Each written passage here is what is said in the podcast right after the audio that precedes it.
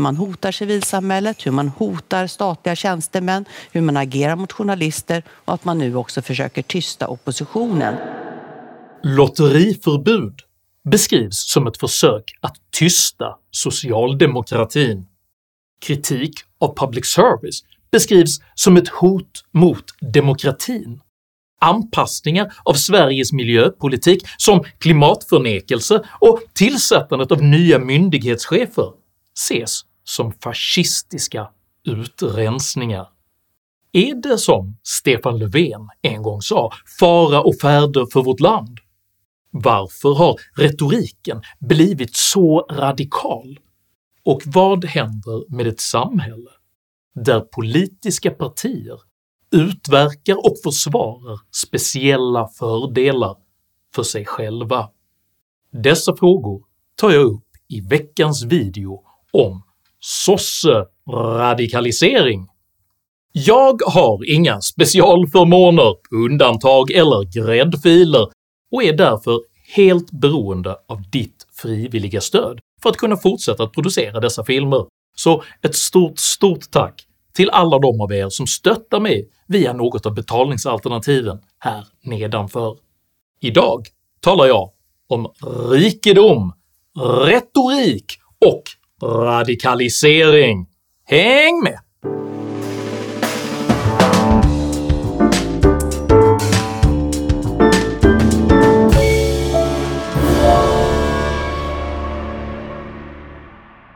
I'm not only legitimate, but running a casino. And that's like selling people dreams for cash. It's all been arranged just for us to get your money. That suitcase was all the bosses ever wanted, and they wanted it every month. Martin Scorseses kriminaldrama Casino från 1995 skildrar hur särintressen genom manipulation och påtryckningar bygger upp extremt lukrativa spelintäkter för att finansiera organiserad brottslighet.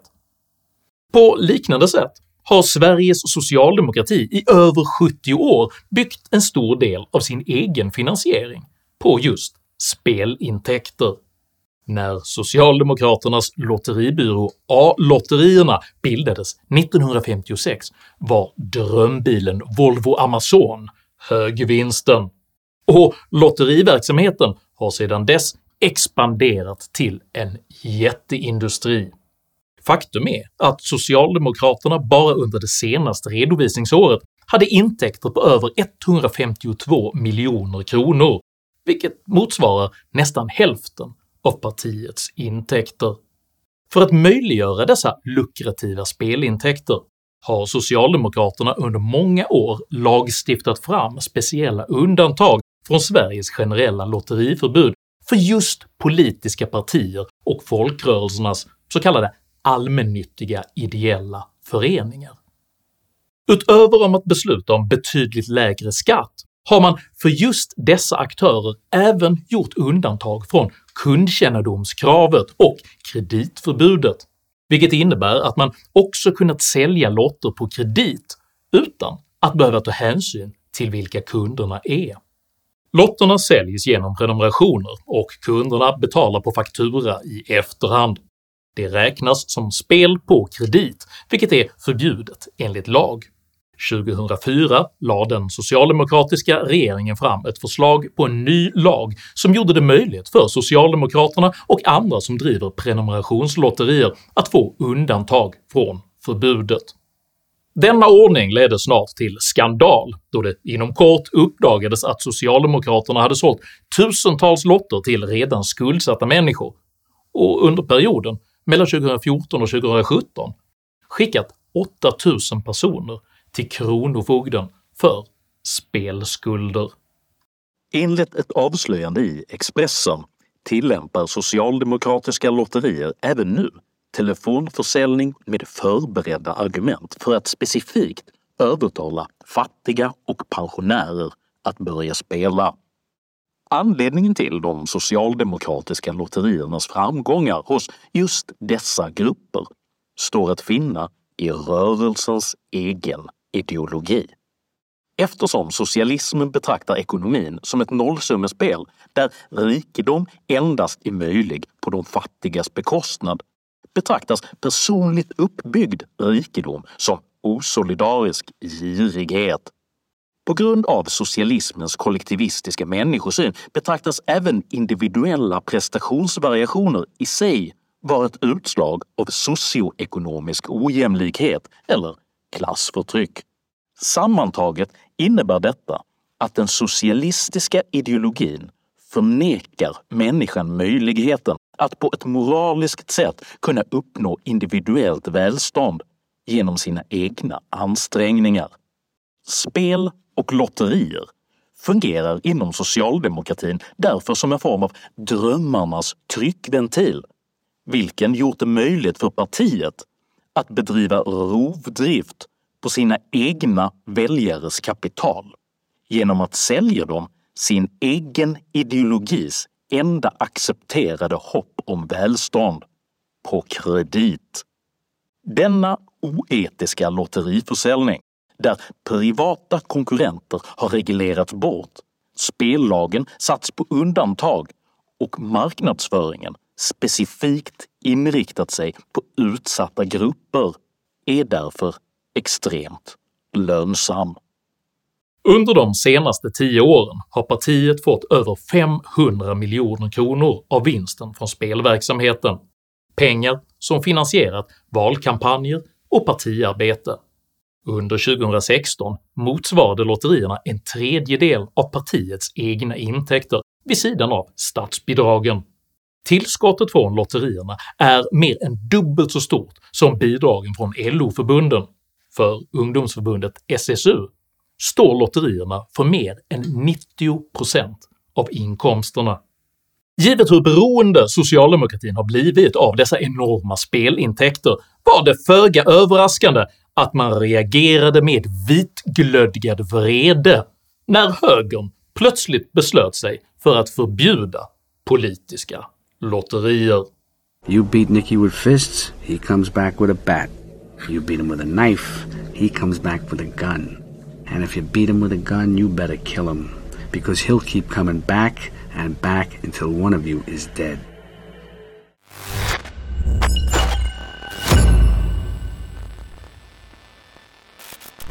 Tidöpartierna vill förbjuda partipolitiska lotterier.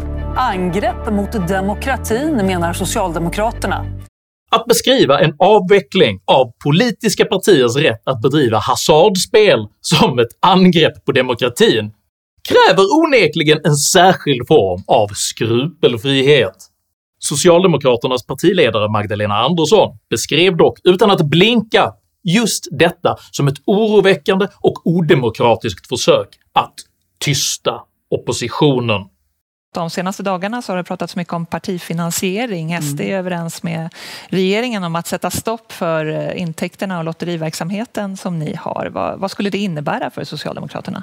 Det handlar om att tysta oppositionen och det är ju någonting som vi känner igen från helt andra länder än Sverige. Detta följdes av att både partiledaren och Aftonbladets politiska chefredaktör Anders Lindberg jämförde förslaget att fasa ut politiska lotterier med auktoritära länder som Ungern och Polen. Men att använda den här typen av metoder, det är typiskt för auktoritära nationalistiska rörelser som vi ser runt om i världen. Vad Moderaterna nu driver fram det är att man slår sönder Socialdemokraternas partiorganisation. Om vi hade hört den här nyheten från Ungern eller Polen, att regeringspartiet går in med riktad lagstiftning för att slå sönder oppositionens eh, finansiering. Hur hade vi sett på en sån nyhet? Du menar att det är ett hot mot demokratin? På samma linje twittrade den före detta justitieministern Morgan Johansson att inskränkningar av politisk lotteriverksamhet i snabb takt håller på att förvandla Ulf Kristersson till en Orban och Sverige till ett Ungern. När Aktuellts alltid lika charmerande Cecilia Gralde slutligen frågar varför det är en självklarhet att politiska partier ska sälja lotter möts hon så av svaret att ideella föreningar ska ha samma regler. Varför är det självklart att partier ska sälja lotter? Det självklara är att ideella föreningar av olika slag ska ha samma regler.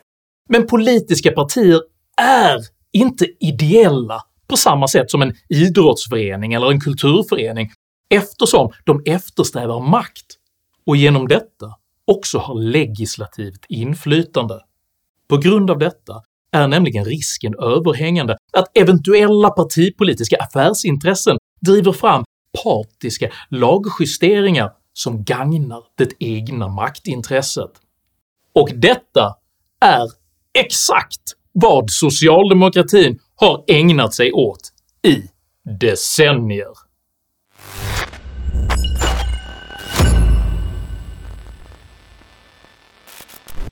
Under perioden 2018 till 2020 redovisade socialdemokratin sammantaget intäkter på över 1,5 miljarder kronor. Detta är alltså ungefär lika mycket som övriga riksdagspartier. Tillsammans.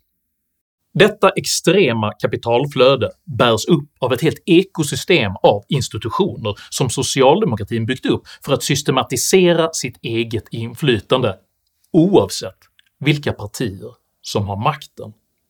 Utöver lotteriverksamheten har socialdemokratin till exempel även etablerat partipolitiskt inflytande för statliga medel genom den ideella föreningen Folkbildningsrådet som varje år slussar enorma belopp till Socialdemokraternas bildningsförbund ABF. Folkbildningsrådet saknar dessutom oberoende granskningsorgan och har inget formellt regelverk som styr vad deras nära 2 miljarder årliga kronor går till. En ordning som efter vinterns skandal i ABF Botkyrka Salem tydligt leder till både politiska och kriminella konflikter. SVT har nu tagit del av en rad skärmdumpar som visar att S biträdande partisekreterare Nils Wikmång i november blev informerad om kopplingar mellan Vårbynätverket och ABF. Och enligt Expressen ska han ha informerat övriga partitoppen inom S om gängkopplingar. Trots det sa partisekreterare Tobias Baudin så här till SVT i fredags. Ja, det som har hänt det var att igår torsdags, fem dagar efter mötet avslutades, så kom det in ett tips om en person som man menar på skulle ha gängkriminella kopplingar. Och nu har vi någonting att ta på. Och nu pågår ju ett arbete i arbetarkommun och i distriktet just för att gå till botten med det här. Samtidigt ska Jens Sjöström, ordförande för Socialdemokraterna i Botkyrka, ha upplysts av partikollegor om kopplingar till gängkriminalitet långt tidigare då han också förnekat att han haft kännedom om gängkopplingar. Vidare får socialdemokratin även löpande ekonomiskt stöd från alla fackanslutna medlemmar i LO, oavsett vilket parti de tillhör. Precis som med lotterierna upprätthålls denna ordning genom att man gett LO en otillbörlig särställning på arbetsmarknaden, så att konkurrerande facksammanslutningar i princip blir meningslösa, och det är omöjligt för LO-medlemmar att sluta att ge pengar till Socialdemokraterna. Vi har en siffra här, 60 procent. Vet du vad den står för? Nej. Det är så många av, de, eh, av dina medlemmar, LO-medlemmarna, som inte röstade på Socialdemokraterna. Finns det någon nedre gräns för hur få som kan rösta på eh, Socialdemokraterna och LO fortfarande fortsätter att Nu är det ju inte de här eh, undersökningarna som styr det, utan det är ju de kongressbeslut som fattas var fjärde år. Så nej låter det som. Det kan vara 10 procent socialdemokrater och ni fortsätter ändå? Ja, beroende på vad kongressen säger. Det är därför inte heller en slump att Anders Lindberg redan nu börjar varna för att facken sannolikt är nästa socialdemokratisk institution vars demokratiska rättigheter kommer att attackeras. Och frågan är, vad är nästa steg?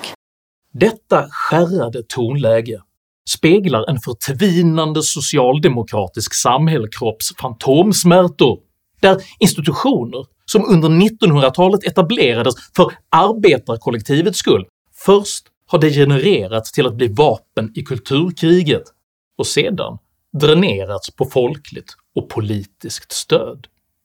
Socialdemokraternas eftervalsanalys gjorde det dessutom genant uppenbart att partiet helt saknar förmåga till både självkritik och demokratiskt förnyelsearbete. Man tolkar nämligen på allvar sin egen valförlust som ett resultat av att de högerkonservativa partierna lyckades sätta en felaktig bild. Och vi tycker ju att vi var tydliga i valrörelsen med att vi vill bygga ut alla energislag. Ändå lyckades de högerkonservativa partierna sätta en felaktig bild att vi socialdemokrater är emot kärnkraften. Och självklart ska vi snabba på elektrifieringen. Men inte vid ny kärnkraft. Den är för dyr. Som konsekvens av detta framhålls strategier och metoder för att bemöta antidemokratiska, högerradikala och populistiska budskap som lösningen på socialdemokratins kris. Vi behöver också utveckla strategier och metoder för att möta både antidemokratiska och högerradikala budskap och populistiska budskap på nätet. Denna oförmåga att förstå väljaropinionen kompenseras därför nu med radikaliserad retorik, vilket innebär att socialdemokraterna istället för att självkritiskt utveckla sin politik tar varje tillfälle i akt att skuldbelägga väljarna för att de röstat fram ett nyfascistiskt parti till makten. Här har vi alltså ett litet nyfascistiskt parti som menar att de eh, ska ha ett avgörande inflytande och sätta dagordningen för svensk politik. En utredning om huruvida politiska partier bör ägna sig åt spelverksamhet beskrivs därför som typisk för auktoritära nationalistiska partier. Men att använda den här typen av metoder, det är typiskt för auktoritära nationalistiska rörelser som vi ser runt om i världen. Och det är fruktansvärt att se det här också i Sverige. Alla försök till verklighetsanpassning av klimatmålen beskrivs som klimatförnekelse. Alla försök att problematisera public service-uppdraget beskrivs som demokratihot. Alla försök att byta ut myndighetschefer för att bättre kunna genomföra regeringens demokratiska politik beskrivs som fascistiska utrensningar hänger ut enskilda statstjänstemän som aktivister för att också på så sätt tysta myndighetssverige. Sammanfattningsvis befinner vi oss nu i ett läge där allt som inte är socialdemokratisk politik beskrivs som fascism, totalitarianism och hot mot demokratin. Denna allt mer hysteriska retorik bör dock ses som ett hälsotecken eftersom varje steg mot verklig partipolitisk jämlikhet i Sverige kommer att tolkas som ett angrepp på demokratin av en korrupt rörelse som identifierat sig med själva statsmakten. Den radikalisering som socialdemokratin nu tycker sig se exakt överallt omkring sig kan således beskrivas som en relativ rörelseillusion.